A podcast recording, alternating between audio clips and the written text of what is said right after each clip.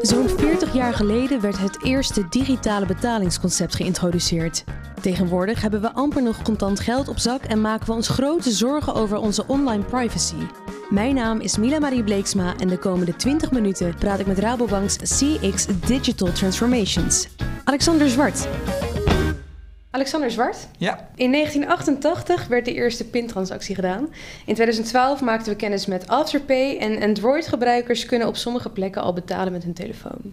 Wat voor betalingsconcepten mogen we in Nederland nog verwachten in de toekomst? Ja, ja goede vraag. je ziet natuurlijk dat betalingsverkeer is typisch iets waar echt uh, heel veel innovatie in plaatsvindt. Uh, en nou, mooi hoe jij het schetst. Als je terugkijkt, dan zie je eigenlijk pas hoeveel er gebeurd is. Terwijl, het is helemaal niet zo lang geleden. Het is helemaal niet lang geleden. Terwijl als je zelf gewoon op straat loopt, denk je, er gebeurt eigenlijk niks. Nou, ik denk dat eigenlijk wat er bij betalen gebeurt, zijn twee dingen. Het wordt steeds gemakkelijker en het wordt steeds onzichtbaarder. En je hebt eigenlijk bij betalen heb je twee soorten, soorten van betalen. Je gaat of je betaalt fysiek in een fysieke omgeving. Nou, daar zul je uh, zien dat betalen eigenlijk steeds meer contact, contactlozer gaat worden. Uh, en daar heeft Nederland in die zin al een hele mooie stap gezet natuurlijk met de contactloze bankpas. Dat is denk ik ook een van de redenen waarom het zo moeilijk is om hier bijvoorbeeld betalen met je telefoon te introduceren. Want ja, die contactloze bankpas is super makkelijk. Die zit in je spijkerbroek in je achterzak. Je trekt hem eruit, tikt hem en uh, loopt door. Uh, maar wat wij nu bijvoorbeeld zien bij Rabobank is dat wij met Garmin aan het experimenteren zijn. Dat is eigenlijk ook een contactloze bankpas. Alleen dan is je horloge de contactloze bankpas. En dat is nog makkelijker, want dan hoef je niet eens de bankpas te trekken. Dus ik denk dat dat de ene route is, dat het gewoon uh, ja, nog makkelijker wordt om een ding wat je draagt te gebruiken om te betalen. En dan heb je nog de digitale wereld. Uh, ja, daar zie je eigenlijk heel veel verschillende soorten methoden die er ontstaan. Uh, maar nu zeker met PC2-wetgeving gaat het gewoon gebeuren dat betalen onderdeel wordt van de klantreis. Ga je het gewoon niet meer merken. Dus dat, ja, dat zijn volgens mij de twee routes ja, die ze gaan ontwikkelen. En er zullen heel veel oplossingen komen, maar de makkelijkste zal altijd winnen. Zo simpel is het. Wat kan Nederland daarin leren van andere landen om ons heen? Ja, nou ja, en vanochtend uh, hier tijdens het congres was er een uh, spreker die liet zien wat er in China allemaal gebeurd is. dat is natuurlijk een, land waar je enorm veel ontwikkeling ziet op, op straat QR-code scannen. Tot zelfs de zwervers die een QR-code nodig hebben omdat ze anders geen, geen geld kunnen krijgen. Maar ik denk wel wat Nederland, waar Nederland heel anders dan is, bijvoorbeeld dan in China, is dat eigenlijk ons betalingsverkeer al echt heel goed is. En dat zeg ik niet omdat ik toevallig voor een Nederlandse bank werk. Uh, maar ons betalingsverkeer is in Europa heel goedkoop. Uh, het is ook heel veilig en stabiel en beschikbaar. En we hebben dus bijvoorbeeld dat contactloze betalen is bij ons al heel goed. Dus als je mij nou vraagt wat kunnen we leren? Nou, ik denk dat we uh, vooral wat kunnen leren van de enorme schaal van veranderingen. alle Nederlandse banken op zich zijn toch best wel klein.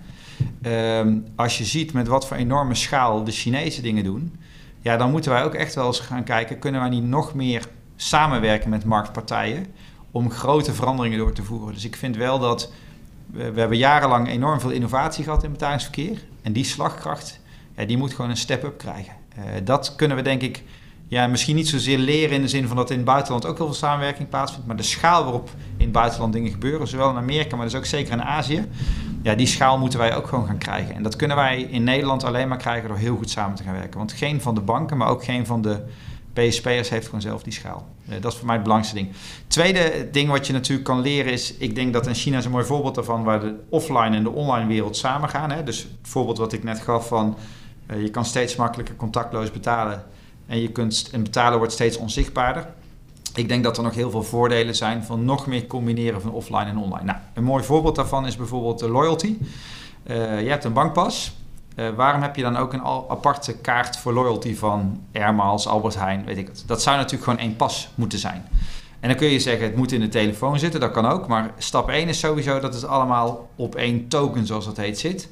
En of dat token dan een bankpas is, je telefoon of je horloge, dat maakt dan eigenlijk niet meer uit. Nou, dat is echt wel iets wat wij veel beter kunnen doen dan, uh, dan tot nu toe. Ja, sowieso ook um, zijn ze aan het testen volgens mij tussen Leiden en Den Haag. Ja. Hoe je in gaat checken met, ja. je, met je pinpas en je OV. Ja, ja ik, je kunt dus met de Rabocard, daar was ik wel heel trots op toen ik zag dat dat uh, werkte, kun je bijvoorbeeld in Londen uh, al reizen. Dus uh, nou, in, de, in, het Verenigd Koninkrijk had je de Oystercard, dat was eigenlijk een prepaid card waar je dus geld op kon storten en dan kon afrekenen.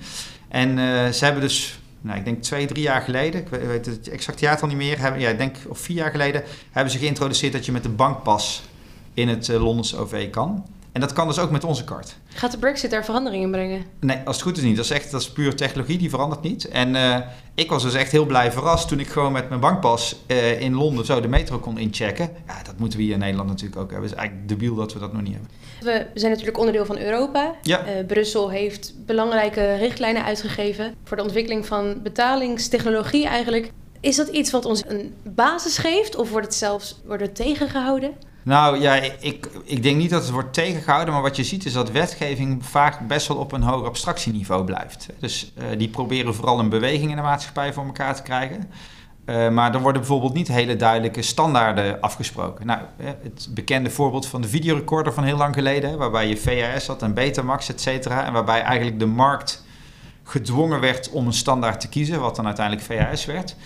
Uh, je ziet dat de computerindustrie daar al veel verder mee is. Die spreken al veel vaker standaarden met elkaar uh, af. Of de telecom hè, met GSM-standaarden en uh, het 5G-netwerk nu bijvoorbeeld. en ja, op dat gebied moeten we denk ik als banken en als überhaupt hè, ook betaaldienstverleners... moeten we denk ik veel meer standaarden met elkaar gaan afspreken. Want het is heel zonde dat we niet allemaal naar dezelfde standaard toewerken. Ik denk niet dat dat bewust wordt tegengewerkt. Het is wel zo dat er zoveel partijen in de markt actief zijn dat dat coördineren gewoon enorm, een enorme opgave is. En uh, toevallig door een familielid van mij wat dat voor 5G doet, die moet ook de hele wereld over reizen, weet ik dat. Ook voor de telecom, dat vergt gewoon heel veel werk. Dus je hebt echt mensen nodig die die standaarden coördineren. En dat vindt eigenlijk onvoldoende plaats. Dus eigenlijk als, we, als het vanuit Brussel nog duidelijker gecoördineerd zou worden en we meer allemaal één lijn zouden aanpakken, zou het echt nog wel sneller kunnen. Absoluut, absoluut. En ik, ik denk dat, nou ja, ik, ik kan alleen voor Rabobank natuurlijk spreken, wij zouden daar ook heel erg voor zijn. Want wat er nu gebeurt, is dat er nieuwe wetgeving komt. Wij gaan naar beste eer en geweten dan een standaard kiezen waarvan wij denken dat het ook de standaard wordt. Uh, daar gaan toch verschillen zitten tussen de banken. Dat betekent dat er op een gegeven moment wij toch weer aanpassingen moeten doen. Dus uiteindelijk wordt het voor ons veel duurder. Wij moeten in een aantal sla iteraties slagen tot de beste oplossing komen. En we hadden veel liever gehad dat er een, gelijk een hele duidelijke standaard voor de hele markt lag. Wat vragen klanten van jullie? Was ja. hebben mensen nodig of waaraan merk je dat ze nog niet snappen wat er gebeurt? Ja, nou ja, dat is een hele interessante vraag. Wat vragen klanten? Want uh, wij hebben ook niet één klant. Dus je, het begint al bij de vraag welke klant bedoel je. Dus uh, als ik er een paar afga. Aan de ene kant zijn wij een bank voor gewoon consumenten. Uh, net zoals jij en ik. Uh, en consumenten willen, nou ja, kijk naar jezelf. Wat wil je? Je wil vooral heel gemakkelijk betalen. je wil ook dat het geld wat op je rekening staat veilig is. Dat niet iedereen er zomaar bij kan komen. Er zijn misschien soms appjes die je handig vindt om te gebruiken. Waardoor je wel toegang wil geven tot je data. Maar in heel veel gevallen wil je dat ook niet. dan heb je bijvoorbeeld bedrijven gebruikers. En ik zeg bewust geen klanten, maar gebruikers. Als je bijvoorbeeld bij een bedrijf werkt in de boekhoudafdeling, dan wil je bijvoorbeeld dat de bank heel makkelijk betalingsverkeerdata kan synchroniseren met je boekhoudpakket. Uh, terwijl je als je de directeur bent van dat bedrijf en je bent veel onderweg, wil je misschien wel hele hoge betalingen op je app kunnen uh, goedkeuren. Maar we krijgen tegenwoordig ook uh, software developers als klant. Want nu de banken ook gewoon de, hun betaaldienstverlening aan softwarepartijen gaan aanbieden, of dat nou webshops zijn of uh, de Googles en de Facebooks van deze wereld, zullen ook developers eisen van ons hebben. En die willen bijvoorbeeld weer hele simpele, goed te gebruiken API's die je ook kan lezen. Dus ik weet niet of je wel eens een API gelezen hebt, maar ja, een stuk code kun je op heel veel manieren opbouwen. Dat kun je heel ingewikkeld doen, maar je kan ook heel duidelijk uitleg bijvoorbeeld erbij schrijven wat welk stukje code doet. Dus ook leren hoe je nou code zo maakt dat een developer dat heel makkelijk kan gebruiken, is weer een heel andere tak van sport. Eh, waar wij als banken eigenlijk tot op heden helemaal nooit inactief waren. Dus je ziet dat wat wij als klanten hebben, dat wordt, dat wordt anders dan dat het was. En die hebben dus ook hele andere eisen aan ons. Dus jullie moeten ook op best een snelle manier gaan kijken: oké, hoe kunnen we al onze klanten tevreden stellen? Absoluut. En wat we dus bijvoorbeeld doen daarin, en dat vind ik wel echt heel gaaf om te zien. Wij zijn uh, vanuit de Rabobank bewust met uh, Google Assistant aan de slag gegaan. Uh, en, en, niet zozeer omdat wij nu al denken dat heel Nederland via VoiceBot gaat bankieren. Dat gaat echt nog wel een tijdje duren. hoewel er toch best veel mensen zijn die er elke dag gebruik van maken. maar het was voor ons vooral ook heel interessant om te leren hoe ga je nou met zo'n derde partij samenwerken kunnen wij nou ook datadiensten maken die veilig zijn, waarbij we ook de gebruiker van de Google Assistant kunnen garanderen dat Google niet bij zijn bankgegevens kan komen, want dat moet je natuurlijk garanderen. Maar ook dat, onze dat de developers van Google heel makkelijk op de API's van ons kunnen koppelen. Nou, dat proces alleen al doorgaan heeft ervoor gezorgd dat onze API's veel beter geworden zijn. Want wij moesten in één keer, ja, als het ware, naar onszelf kijken en zeggen: hé, hey, als ik naar developer ben bij Google, is dan de API-dienst die ik aanbied wel goed genoeg. Dus je ziet dat dat soort innovaties ons ook echt helpen om dat soort diensten uiteindelijk voor onze klanten beter te maken. Wat heeft Nederland nodig op dit moment in de betaalsector om dus en iedereen tevreden te kunnen stellen uh, en privacy te kunnen waarborgen ja. uh, en aan de Europese richtlijnen te voldoen? Dat zijn best veel dingen naast elkaar. Zeker. Nou, best wel veel dingen moeten we denk ik doen. Dus uh, ik, ik had het net al over standaarden. Ik denk dat het ons, maar ook Europa heel erg helpt als we naar standaarden toe gaan, uh, waar echt goed over nagedacht is, want je moet oppassen dat je dat te snel doet en niet uh, die ervoor zorgen dat het gewoon heel makkelijk wordt voor derde partijen om te koppelen. Want als die standaarden, of als elke bank weer andere connecties hanteert, is het voor een nieuwe partij gewoon heel moeilijk om de markt toe te treden. Dus dat is het eerste wat heel belangrijk is. Het tweede wat heel belangrijk is, is dat je bij wetgeving ook niet de gebruiker uit het oog verliest. En ik ben soms wel eens bang dat dat gebeurt met PC2. Want PC2 is er heel erg op gericht om marktwerking te creëren. Dat is heel erg goed. Maar heel veel van onze consumentengebruikers die willen helemaal niet hun data delen met iemand. Dus die willen eigenlijk het liefste een stopknop. Die willen eigenlijk zeggen deel met niemand. Uh, maar wij kunnen vanzelfsprekend, mogen wij niet eens zo'n stopknop inbouwen. Dus we moeten ook echt goed nadenken. Hoe geef je nou de gebruiker echt controle over zijn data? En de gebruiker wil gewoon één dashboard hebben, uh, waarin alle partijen die die in de markt toegang heeft gegeven tot zijn data, waarbij hij die ziet en op elk gewend moment kan stoppen. En eigenlijk de kritiek die op de big techs is dat dat verstopt wordt, hè, dat is natuurlijk een van de grote kritiekpunten op Facebook. Ja, daar moeten we echt voor oppassen dat wij die fout niet maken als financiële sector. Dus zorgen dat je ook heel makkelijk uh, rechten kan innemen, is denk ik een hele belangrijke. Uh, dus dat is een tweede. Het derde ding wat denk ik heel belangrijk is, identiteit. Um, je ziet dat wij eigenlijk als Nederland toch wel enorm achterlopen op identiteitsgebied. Uh, als je naar de Scandinavische landen kijkt, daar kun je gewoon heel makkelijk met je digitale ID je overal identificeren. En dat komt omdat de banken en de overheid daar heel erg hebben samengewerkt. Nou, wij zijn als bankaire sector ook een aantal jaren geleden met IDIN op de markt gekomen. Ik denk dat we echt een middel in handen hebben wat ons enorm goed in staat stelt om die digitale identiteit te leveren in Nederland. Het is ook absoluut niet een heel groot verdienmodel voor de banken. Wij willen wel voldoende geld verdienen om op te kunnen innoveren. Maar het gaat echt niet het grote bedrijfbusiness worden. Maar ik denk dat als wij die digitale identiteit echt voor heel Nederland beschikbaar kunnen maken. tegen een lage prijs en dat die heel makkelijk hergebruikt kan worden dan gaat dat enorm helpen in de digitalisering van Nederland. Uh, want je ziet nu dat je op allerlei plekken wachtwoorden moet onthouden als uh, consument. Je ziet dat allerlei bedrijven uh, geld daaraan uitgeven. De overheid maakt een paspoort, een DigiD en de banken investeren erin en de verzekeringsmaatschappijen. En daar verliezen we enorm veel geld mee als maatschappij.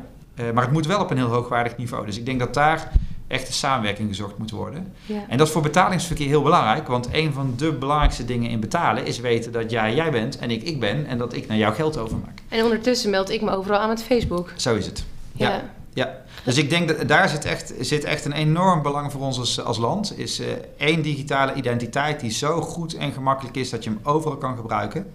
Uh, ja, nou laten we echt wat liggen. En als je ziet, we hebben een enorm mooi voorbeeld aan de Scandinavische landen. Die hebben dat heel goed gedaan.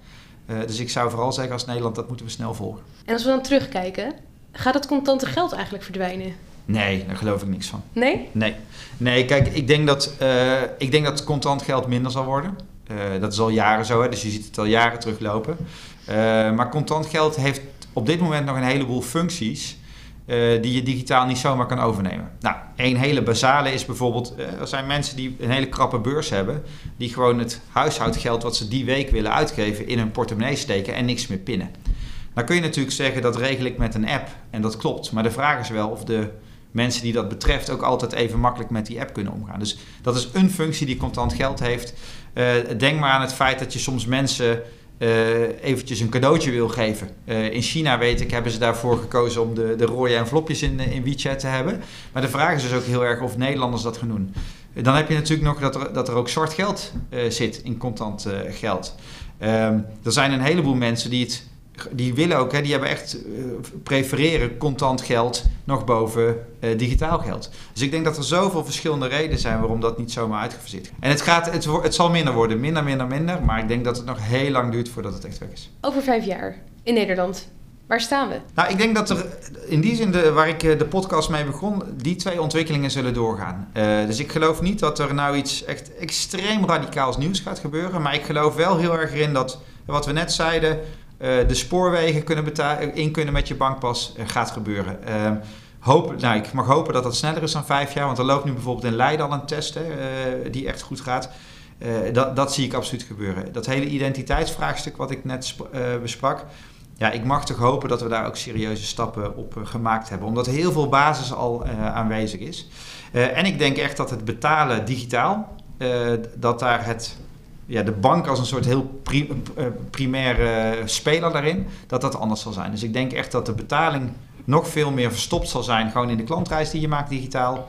Uh, dat je je een token, en of dat dan de bankpas is of een, een token wat we delen als banken, makkelijk kan gebruiken om overal je te identificeren. En ik denk ook echt dat we grote stappen met identiteit gemaakt hebben. Daar ga ik, uh, ga ik vanuit. Ja, Oké, en uh, op dit moment ben jij Head of Digital Channels en CX at de Rabobank's Digital Transformation Office.